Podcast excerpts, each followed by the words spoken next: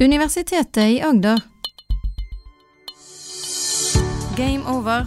Algoritmene overtar. Du hører Maren og Morten snakke om kunstig intelligens. Forstår algoritmer alle dialekter like godt, Morten? Ja, det er norske dialekter tenker du på? Ja. Ja, nei, de gjør nok ikke det. Og grunnen til det er at uh, kunstig intelligens, eh, algoritmene, de er jo trent med data. Og veldig ofte er de jo trent med data fra ett språk eller en dialekt. I Norge så kan de være trent med normert bokmål, f.eks. Ok, hva vil det si? Ja, det er vel det jeg snakker, tenker Ja. jeg. Jeg snakker omtrent normert bokmål. Omtrent. Og du snakker kav sørlandsk, gjør du ikke det? Nei, på ingen måte. Det tror jeg veldig mange lyttere vil være veldig uenig i. Ja, Hvilken dialekt snakker du? Nei, jeg snakker vel alt og ingenting. Nei, jeg snakker i utgangspunktet sørlands- eller Kristiansand-dialekt, men så har jeg den r-en som er litt sånn rar. Så har jeg disse småorda som er sånn mæ og dæ og sånn, men så har jeg ikke skarre-r-en sørlandsdialekt. da. Ja, riktig. Tonefall er vel og litt blanding. Så litt sammensurium, ja. Ja. Det betyr jo at antageligvis for deg, da, så vil jo en kunstig intelligens ikke forstå like godt som for meg. For det typisk så er disse dataprogrammene trent opp med én dialekt, en dataverden-dialekt, og det er jo den Så egentlig burde den eh, bli trent opp med sånn blanding, da, sånn som meg. For da forstår den litt av to forskjellige verdener eller dialekter. Ja, det kan du godt si. Jeg tenker at den burde jo antageligvis bli trent opp med alle dialektene rundt omkring. Enten du snakker Men hvorfor er den ikke det? Ja, det det skyldes jo at datamengden som må på plass, som vi har eh, touchet inn på flere ganger, jo mer data man dytter inn, jo bedre blir de. Og hvis du trener opp en kunstig intelligens til å snakke et språk, så burde du helst ha veldig mye data. Og stort sett da, så er det jo fra et, et datasett Hvis man ser på TV, f.eks., Mm. så er det jo selvfølgelig mye rart av dialekter på TV. Mye forskjellige dialekter på TV. Ja, og de har blitt mer og mer bevisst på det òg. Det har blitt mer og mer bevisst på det. Men veldig mye er jo fra Østlandet, f.eks. Mm. Ja. Og da er det lett å tenke at det er det man skal trene opp for. Ja. Og så er vi eh, litt vant til å snakke østlandsk her og der. Mm. Eh, hvis man ser internasjonalt på det, store land som USA f.eks., så snakker man jo veldig normert. Det er jo selvfølgelig dialekter der også, men det er veldig lite forskjell på dialekten i USA versus dialekten i Norge, med tanke på at Norge er så lite land. Ja. Så det betyr at disse språkalgoritmene fungerer veldig mye bedre for engelsk. Fordi det er mye mer data for engelsk Ja. enn det er for norsk. Og det fungerer da mye bedre for normert norsk, fordi det er mye data på norsk, enn det for veldig lite uh, For veldig liten dialekt, da. Så Så dette med, med dialekter er litt samme som at eh, vi var borti en annen episode hvor vi snakka om at, eh, at eh, Siri eller Google forstår eh, menn bedre enn kvinner, fordi Ja. de er trent opp med data fra flest menn. helt riktig. Ja. Eh, det var jo Timit-dataene, disse Texas Instrument eh, og MIT-dataene. Og siden de stort sett er trent med menn og ikke kvinner, i hvert fall historisk sett, så blir den bedre på menn. Og den er stort sett er trent med bokmål, normert bokmåltale, Ja. og ikke Kristiansand, litt Bryne og litt whatever du snakker, så blir den jo bedre på det. For det er det den er trent opp på. Ja. Men det fantastiske er jo at jo mer data vi dytter inn generelt, jo flinkere blir det til å snakke. Så det betyr at hvis, man, hvis vi tør å snakke med de lenge nok, så blir de flinke også på disse litt rare dialektene, da. Kan man si det sånn, som er blanding. Så snakker man ikke rart i Kristiansand, bare for å ha sagt det, men man snakker rart hvis man snakker mange forskjellige dialekter samtidig. Sånn som med andre ord. Jeg, jeg, jeg synes ikke, For meg så snakker du veldig sørlandsk, men nå er jeg tilflytter til Sørlandet. Selv om jeg har bodd der siden år 2000, nesten. da. Ja.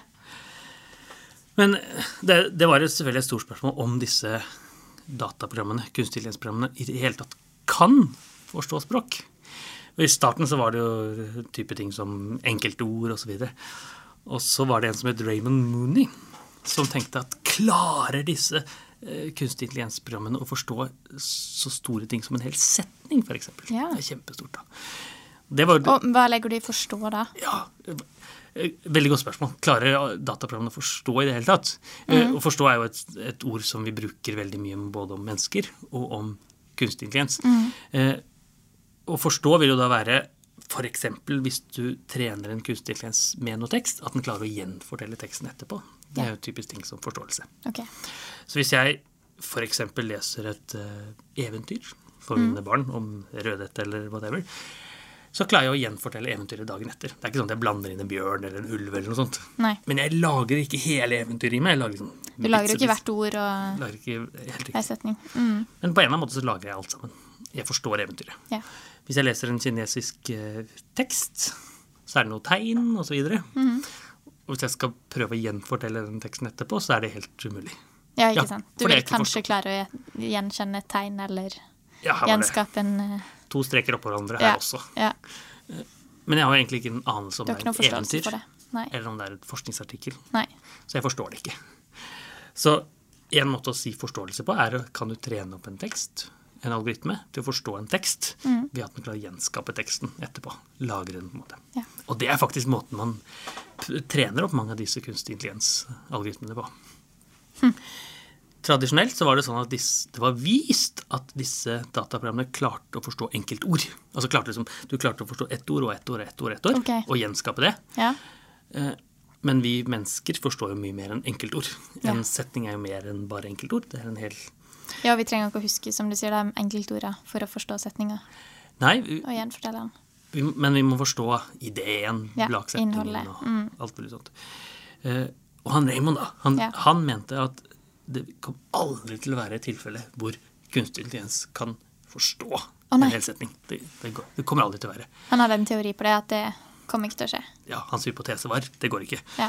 Eh, Så i en debatt på en konferanse som heter Trippel AI, jeg tror det var 2014 eller 2013, der omkring, jeg er litt usikker på året, så, så debatterer to forskergrupper dette. Den ene sier at det snart kommer kunstig intelligens til å forstå hele setninger. Okay. Og så sier Raymond nei, aldri i livet. Så blir han så forbanna at han, han sier eh, på engelsk da You cannot cram the meaning of a whole fucking sentence into a single fucking vector, sier han. Ja. Banner litt på scenen og så videre. Jeg vet ikke om det blir det sensurert, det her som kommer ut? eh? For nå bannet får vi se hva teknikeren vår Ja, eh, vurderer. Ja. Okay. Men hvis ikke han, Det var i hvert fall noen banneord og sånt. Eh, Og, og det er eh, typisk sånn kontrovers i kunstig intelligens-verden. Ja, ja, det går ikke, og det går ikke i det hele tatt. Så blir man så sint og sur videre. Ja. Eh, to år etterpå så kom Facebook, forskningsgruppen til Facebook, Mm. eh, med en artikkel som heter What you can cram into the meaning of a whole fucking sentence.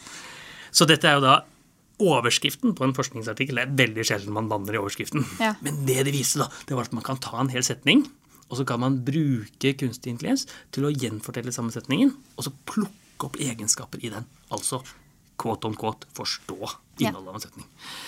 Og han Raymond har jo da blitt utledd i etterkant av Ja. dette. Dette er jo en av de store eh, eh, feilsiteringene, eller feilantagelsene i kunstig intelligens, at dette går ikke. To år etterpå så går det. Litt på samme måte som eh, Watson, sjefen i IBM, sa at det var bare plass til fem datamaskiner i verden. ja, ikke sant. Og så viste det seg ti år etterpå så var det kjempemarked. Ja.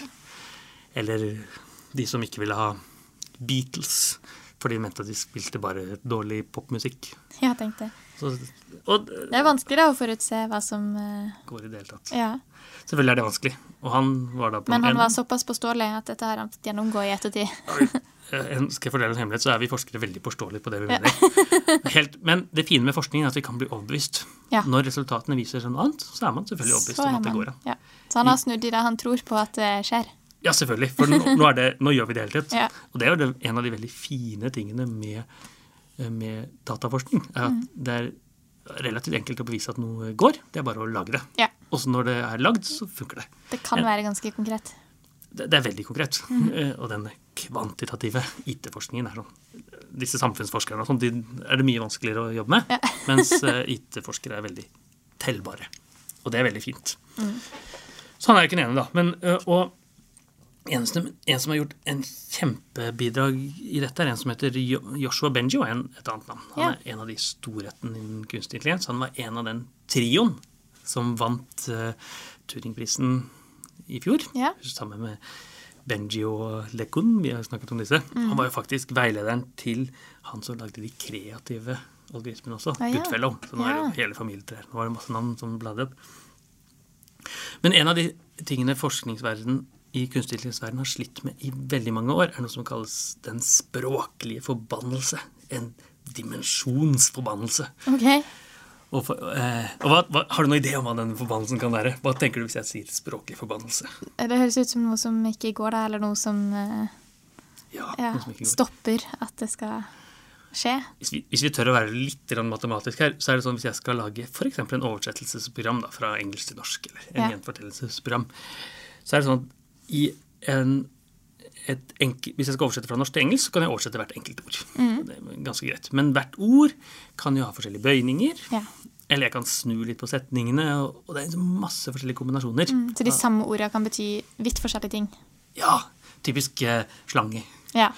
Så jeg vannet hagen med slangen, eller Mm. jeg så en slag i hangen. ja. Så er det, betyr det forskjellige ting, da. Og akkurat det er en forbannelse. For, det der, for hvert eneste ord så skal jeg da si hva betyr dette på engelsk. Så må jeg si det er antageligvis ikke dette ordet, det er antageligvis ikke dette ordet, det er antageligvis ikke dette ordet. Så jeg må liksom koble absolutt alle norske ord sammen med absolutt alle engelske ord. Ja. Og det er veldig mange. Så blir jo det antall norske ord ganget på antall engelske ord. Er Ja, Men så er det jo også det at det er bøyningen av de, og man kan liksom si varianter av ting, og man kan bruke forkortelser osv. Så, videre. så betyr det at jo bare man dytter inn ett lite ord til i denne språkdatabasen, så blir det mengden ting man må lære. Man må lære alle koblinger mellom alle ord Ja. mellom norsk og engelsk blir enormt mye større da. Det ble sett på som en forbannelse. ja. Og det hadde man egentlig ingen idé hvordan det skulle fungere. Nei, hvordan man skulle løse dette. Ja, hvordan skulle jeg løse dette? Fram til omtrent 2003 så var okay. det Joshua Benjo som kom på med denne måten. Og det han, det han gjorde, var jo akkurat denne gjenfortellingen. Han tok et enkelt ord, mm. og så tok han og liksom, eh, komprimerte det veldig. Okay. Og, og så kan du gjøre det opp igjen gjennom disse kunstige nivåene. Det er litt på samme måte som du tar en eh, Hvis jeg tar fiskesuppe eller noe sånt. Jeg tar liksom fiskerester, koker suppe på det. Og og så kan jeg koke lenge, sånn at alt vannet forsvinner. Ja. Det blir sånn bitte, bitte liten mengde av fiskekraft. fiskekraft. -hmm.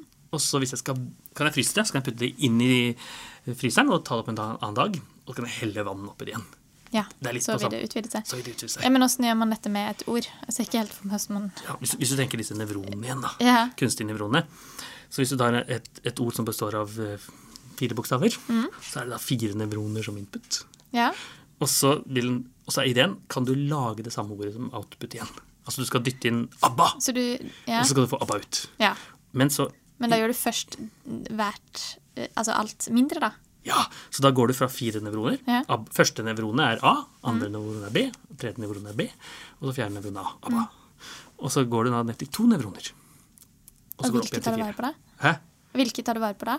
Ja, det er det som er læringen. Ja. Så da må du lære deg hvordan du skal komprimere ABBA ned okay. til et eh, kortere ord, Ja. og så opp til et uh, ABBA igjen. Sånn du kan gjøre. Så hvis du komprimerer ABBA, og så får det ut uh, noe annet, eh, ball for eksempel, så har de gjort feil. Yeah. For ABBA, ABBA er komprimert, og dyttet opp igjen blir ikke ball. Det skal bli ABBA. Mm. Samme måte hvis jeg har tatt fiskesuppen i fryseren, og så helt på vann, og så blir det kjøttsuppe, så har det skjedd noe feil da. Det skjedd en Ja, ja. Det skjer jo ikke i virkelig verden, men, men det kan være. Og, og det var akkurat det Benji gjorde. Han liksom komprimerte alle ordene. Mm. Og det det viste seg da, var jo at ikke bare komprimerte han de, men de og det, Da får man sånn tall, tallverdi innimellom der. Mm. Altså, for ABBA er jo bare I dataverden så representerer man alt med noen tall. ja. Og så viste det at de tallverdiene man fikk imellom, eh, de ordene som lignet på hverandre, de hadde veldig like verdier der inne. Så hvis jeg dyttet inn eh, bil, Ja. eller leiebil, Ja. eller, eller bilverksted eksempel, Mhm. så får man, blir de komprimert i noe som ligner veldig, og så kommer det ut igjen som bil eller bilverksted osv. Så så da får de flere forskjellige tall.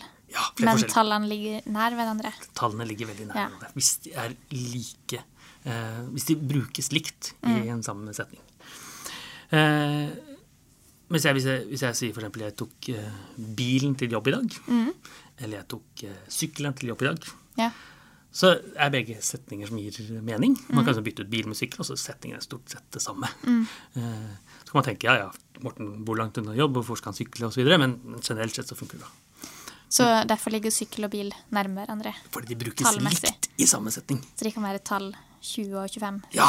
Ja. Det er ofte- det er ofte mange tall sammen, da. Ja. Men, men, men det er det. Men hvis jeg, bruker, hvis jeg sier setningen 'jeg tok hoppestokken til jobb i dag', ja. så er det, da er det noe som skurrer. Da vil hoppestokk være 250. Ja, for det ligger så langt unna. Ja. Og det, du vil aldri finne en setning i dataen du trener opp med som sier 'jeg brukte hoppestokken til eh, jobb i dag. Nei. For det er veldig uvanlig å bruke hoppestokk. til Det vil iallfall være veldig spesielt. Ja, og da vil det ligge langt unna. Ja. Så det betyr at bil og sykkel ligger liksom veldig nærme hverandre. Og, og, og vi øh, lagrer disse sånne tanker, sånne tankeord, på den måten, vi også. Eh, så Men, men sånn som eh, bilverksted, du nevnte det. Er bilverksted og bil nærme hverandre, eller er bilverksted Det er jo to vidt forskjellige ting. Du kan ikke si jeg tok bilverksted til jobb i dag. ja, Godt poeng. Så det ligger antageligvis ikke så nærme. Nei, selv om det inneholder samme ord. Ja, Ja. riktig. For det kan jo, det kan jo hende at eh, det, det har jo noe med, med hverandre å gjøre. Eh, men det er eh, Men du har helt rett. Jeg kan ikke fikse bilen på bilen, men jeg kan fikse bilen på bilverksted. Ja. Eh, helt riktig. Men elbil og eh, leiebil ja. ting som ligner litt. Det- Kjøretøy vil være litt i nærheten. Ja. Men som man gjør det, som vi skal snakke om i en litt annen podkast, tenker jeg, det er at man prøver å liksom gjette hva det neste ordet, og så trener man opp. Ja. Det betyr at hvis jeg vet, eh, Hvis du er en eh, Er du fan av Star Wars, tenker du? Har ikke sett Star Wars. Men det, har du ikke sett den? Ja? Nei. Okay, ja, men det passer bra. For jeg, nå skal jeg, tenkte jeg skulle si en setning, og så skal du gjette hva neste ord er. Er du med på den oppgaven? Oi, ja. Så dette er da fra Star Wars. Så hvis jeg sier eh, Jeg synes din mangel på tro er Hva, hva tror du neste ord er? Eh, er stor Stor, ja. ja riktig svar er forstyrrende. Forstyrrende. Ja. Eller hvis jeg sier 'hjelp meg, Obi-Wan'. Ja, det er en sånn fyr fra Star Wars. da. Ok. Hjelp meg, Obi-Wan, du er mitt eneste. Håp. Ja, helt riktig. Men, det, men hvis du sier andre ting, som 'du er min eneste sjanse', eksempel, Ja. så ville det også gitt mening. Ja. Eh, Og håp og sjanse er da ord som ja, Ligner, og som har et nærliggende tall. ikke Ja, og ikke nødvendigvis er synonymer, men de brukes gjerne likt. da. Ja. Og det er akkurat sånne ting som plukkes opp der. Og, og da dette ble løst av Benjo, så ble denne forbannelsen brutt. For ikke trengte man å lære seg absolutt alle koblinger til alle sammen. Man kan komprimere det mye. For hvis jeg skal oversette håp til engelsk, eller sjanse til engelsk, så er, er, brukes det likt i samme setninger, og det forenkler problemet helt drastisk. Yeah. Der. Men det betyr også det be Så denne komprimeringa blir på en måte et sammensurium av alle disse tallene, som da man kan kategorisere ut ifra. Ja, helt, Ja. kjempegodt forstått. For det, når, Hvis jeg dytter inn ABBA, da, så kan jeg jo en måte å si det på er at jeg kan si at A er 1, for det er første bokstaven i alfabetet. og B er 2, for det er andre bokstaven i alfabetet.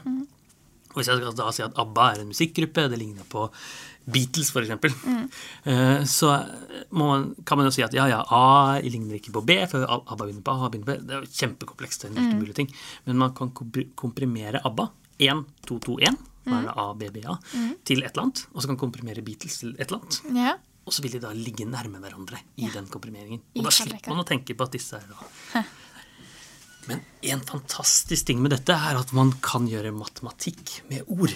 Og- det er jo gøy, da. Det er jo Tenk, veldig gøy for de som liker sånt. de som Ja. både liker matematikk og ord. Kan man. Eh, Fantastisk. Siden man får tall eh, det, Hør en snev av ironi her, men, men, det, men det er veldig gøy. For det det beviser, det er at eh, når man kan ta matematikkstykker med ord, så har man knyttet sammen to fagfelt som egentlig ikke har noe med sammen å gjøre. Det er ingen språkviter som vil gjøre matematikk med ord, men matematikere de bruker gjerne ikke ord, de bruker eh, bokstaver og tall osv. Men det det beviser, er at, at kunstig intelligensen har forstått noe der. Skal vi ta et eksempel? da. Så hvis jeg da har trent opp en kunstig intelligens med masse tekst, eh, så kan jeg ta f.eks. konge. Konge er sånt, da. den blitt komprimert til et eller annet tall. Og så har jeg da eh, komprimert ordet mann, Ja. og så komprimert ordet kvinne. Og så kan jeg spørre, eh, hvis jeg tar tallet som representerer konge, minus tallet som representerer mann, pluss tallet som representerer kvinne, ja. da får jeg ut det tallet som representerer dronning. Ja. Der. Altså jeg kan ta konge, eh, mattestykket konge minus mann pluss kvinne og få ut dronning. Så du gjør matte på ord. Ja, Og da beviser jeg jo at den kunstnerlisten har forstått mm. at, kong, at en dronning er på en måte en kvinnelig konge. Ja. Ikke, det er ikke sånn helt perfekt, for en dronning er litt annerledes. Eh, dronning Sonja er ikke regent, f.eks., Mm. mens hun eh, dattera til kronprins Haakon. Hva heter hun som skal bli dronning? Vet du det? Ingrid Alexandra. Ingrid Alexandra. Ja, ja, så der, her har du ekspertise. Hun blir jo dronning, men det blir en annen dronning enn Sonja, fordi hun blir, blir regent. Ja. Mens Märtha Louise vil aldri bli dronning. Og ikke Durek eh, Shaman vil aldri bli konge. Men han er gift med en prinsesse. Så det er noen sånne nyanser der som er litt Som algoritmen ikke forstår helt ennå. Ja. Eh, fordi det er noe litt abstrakt i disse, da. Men man får et tall som er veldig, veldig nærme dronninga. Så en dronning er ikke akkurat en kvinnelig konge. Eh, og man kunne jo fått kanskje en, eh, en sånn transkjønnet konge ut, f.eks. Det kan man også risikere. Men den forstår, det mattestykket gir intuitivt mening for oss. Ja. Og det viser seg der. Eh, så da dette ble kjent, så var dette en, en aha-opplevelse. Så jeg har noen andre mattestykker, kanskje du vet svaret på det. Eh, hvis du tar kylling, søt liten kylling, og så, men så plusser man på søt. Man gjør kylling enda mer søt. Man gjør kylling enda mer søt? Jaha. Hva, hva, hva tror du du får? Eh, man får vel et dyr, i hvert fall. Men om man får en annen type fugl, eller om man får en sånn, mer et husdyr, kanskje en katt Ja, det er eller- riktig. Kattunge er riktig. Så Kattunge en- er riktig. En hvis man dytter på søthet i kylling, I så får man katt. Det er litt spesielt. Det er litt spesielt, men det, det gir litt mening. Eller eple pluss lilla. mening, men- Det gir litt mening, helt riktig. Eple pluss lilla, hva vil du si der? Eh, en veldig stor drue. En plomme, Ja, kanskje? plomme, helt riktig. Og dette er sånne ting som, siden du klarer å gjette det nå, Ja. så gir det litt mening. Så er det godt nok. Så er det, er ja. Eh, Men det er jo sånn språk er. Mm. Så språk er ikke matematikk. Det er ikke sånn det er akkurat det der. Nei. Mm. Men du får noen nyanser, og de nyansene gir mening. Men hvis du da eh, tar et litt verre eksempel Hvis vi tar kirurg minus mann pluss kvinne, hva, hva får du som svar da?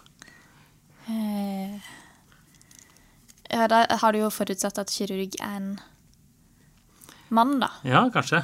I dagens samfunn ville det kanskje ikke fungert helt, men jeg vil jo kanskje tenke at en algoritme ville sagt noe sånn som sykepleier. Det er akkurat det Så dessverre. Det vil jo bli veldig feil i det. Det er veldig feil. Ja. Vi vet jo selvfølgelig at riktig svar er kirurg. Ja. Altså en kvinnelig variant av kirurg er også en kirurg. Ja. det skal ikke være noen forskjell på det. Men de dataene vi har trent opp, Mm. og dette går jo pinger jo tilbake til da vi snakket om diskriminering, de, eh, der ligger blir sykepleier brukt i kvinnelig setting, Mm. mens kirurg blir brukt i mannlig setting. Så stort sett, da, i de dataene trent opp, så er kirurg mann og Ja. sykepleier kvinner. Og det er Ja. det dataene plukker opp. Så når du da tar kirurg minus mann pluss kvinne, så blir det til For, for algoritmen har jo ikke noe den, den prøver jo ikke å være eller Enten om det er rasistisk, eller om det er kvinnediskriminerende, eller uh, gjøre noe forskjell i likestilling. Men siden den er trent opp med dataer som tilsier det, så går han ut ifra at det er sånn. Det er akkurat det der. Ja.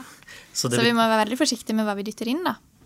må, ja, ja, det må man må være kjempeforsiktig. Så mm. hvis man dytter inn eh, feil data, så kan den bli kvinnediskriminerende, som, Ja. som det blir her, da. Eller selv om det faktisk kanskje er riktig data, fordi det er det vi har mest av, så vil det jo likevel bli feil, da. Hvis vi skal legge inn masse historiske data, så vil det jo kanskje være flere menn i løpet av årene enn kvinner. Men likevel vil det bli feil å diskriminere den i dag. Helt riktig. Så kunstig intelligensen er jo ikke noe bedre enn den historiske dataen man dytter inn. Nei. Så hvis vi dytter inn all medisinsk data fra jeg vet, 200 år tilbake, f.eks., Mm. så er det jo primært menn som har vært kirurger. Men sånn er det ikke i dag. Eh, og den kunstige intelligensen har ingen forståelse for at nå er samfunnet blitt nytt. Nå er det også kvinner som kan være kirurger. Det er bare det som ligger i dataene. Ja. Og samme som vi snakket om før ansettelser, det er akkurat det samme. Ja. Man klarer å skille mellom kvinner og menn, så må man gjøre det. Eller, eller eh, type etternavn, f.eks. Mm. Noen etternavn som ofte ikke blir spurt om å bli kommet til jobbintervju, mens andre Ja. blir det. Og det ligger bare i dataene. Mm. Men og grunnen til at den kunstige intelligensen blir dårlig, er jo fordi vi dytter inn dårlig data. Og den plukker opp dårlige trender Mm. i dataene. Men det den får til, da, det er å ha en språkforståelse som vi før 2003 trodde var forbeholdt oss mennesker. Og som Joshua Benjo beviste i 2003 at var mulig å trene seg opp. Og som er grunnlaget for Google Translate og Siri og alt mulig rart. Ja. Og som Raymond Mooney ikke trodde gikk an å ha en hel setning. Som han for, som for et par år siden viste at det går an. Og det er jo grunnen til at vi kan snakke med Siri i dag, f.eks. Ja. Eller Alexa, eller Google Translate fungerer og alt dette her Ja. Fordi man skal få det til. Så språk er noe som er eh, kunstig intelligens gjør bedre og bedre. Vi, snak, vi mennesker snakker bedre enn algoritmene. Men det er et, eh, ja, for det er fortsatt et stykke å gå. Den, de er bedre og bedre, men de er jo ikke kjempegode ennå. Helt enig. Så det er veldig langt unna å holde en ekte samtale med disse robotene Mm. enn det er å holde samtale oss mennesker imellom. Men kanskje kan vi snart eh, eh, ikke trenge å lære ulike språk, da? Er vi der? At vi eh, bare kan eh, ha en app, eller om det er en eh, ørepropp, eller som oversetter for oss. Ja, Fordi de er så gode oversettelsesalgoritmer. Ja er, jeg vet ikke om du har lest eh, 'Hitchhiker's Guide to the Galaxy'? Har du det? Nei. Ok, Du har den andre referansen enn meg, tydeligvis. da. Ikke Star Wars, ikke Hitchhikers. Jeg tror du har snakka litt om tidligere eh, det, ja. Ja, og der, der har du noe som heter babelfish, som er en fisk man ja, dytter inn i det er sant. Det har vi jo snakka om. Ja, den, Men det, det er faktisk en eh, Google har kommet med en sånn ørepropp Ja. du kan dytte inn. Så det ideelle eh, samfunnet er et samfunn uten fremmedspråk. Mm. Fordi vi bare trenger å lære et språk, og så oversetter den perfekt for oss. Men tror du da vi mister språk, eller tror du vi beholder morsmål eh, Altså, kommer vi fortsatt ha ulike språk? Ja, jeg, jeg tror vi definitivt kommer til å ha ulike språk, Ja. fordi vi vokser opp i forskjellige samfunn. Ja. Så det er sånn at, eh, Jeg vet ikke om det stemmer, men eh, eskimoene har Eller inuittene heter det kanskje. Har 15 ord for snø. Mm. Mens et språk i Sahara har jo bare ett ord for snø. Fordi de har forskjellig utgangspunkt. ja. Og sånn vil det alltid være. Ja. Eh, og det betyr jo at når vi sier eh, slange på norsk, så vil jo det en, eh, en engelskmann eh, ikke skjønne om det er en eh, hose eller en snake. Ja. Eller det norske dyret snegle ja. heter på engelsk både slug eh, og snail, hvis den har et hus, heter det snegl. ja Hvis det er to forskjellige, ja. det er to forskjellige. Så hvis jeg sier jeg så en snegle ute, så, må, så er det ingen måter å skjønne om det egentlig er en snegle med hus på, eller om det er en snegle uten hus. For- Men det vil jo gjøre det veldig vanskelig for algoritmene, da. Ja, det, men det er fordi det ligger en begrensning i det språket jeg har. Ja. Så norsk har en begrensning på akkurat det området. Og så har andre språk andre begrensninger. Engelsk er det masse sånn Bank er et sånt eksempel. Eh, Riverbank er en del av en elv. Mens eh, det kan også være et sted jeg putter pengene inn. Ja. Mens på eh, elvebredd heter det på norsk, mens det heter bank. Ja. Så, så de tingene går ikke inn i en oversettelse også. Så det vil også være en begrensning i algoritmene Ja. der. Så det vi kan snakke om en stund, som vi ikke eh, Om det blir neste eller det det er ikke, men en podkast om litt, er jo det å holde en lengre tråd der. Klarer man å forstå, en, eh, forstå både enkeltord, mm. enkeltsetninger, men også kunne lage nye tekster, f.eks. Det hadde vært veldig kult Ja. å snakke om, tenker jeg. Hvis algoritmen kunne begynne å skrive bok. Ja, kanskje vi skal gjøre det. Jeg gleder meg til å høre mer om det. Så bra. Da, da møtes vi igjen neste uke. Det gjør vi. Takk Ha det bra. Det. Du hører Maren og Morten snakke om kunstig intelligens. Har du spørsmål til Maren og Morten, send en e-post til gameover.alfakrølluia.no. Du har nå hørt en podkast fra Universitetet i Agder. Du finner flere podkaster fra UiA på uia.no podkast.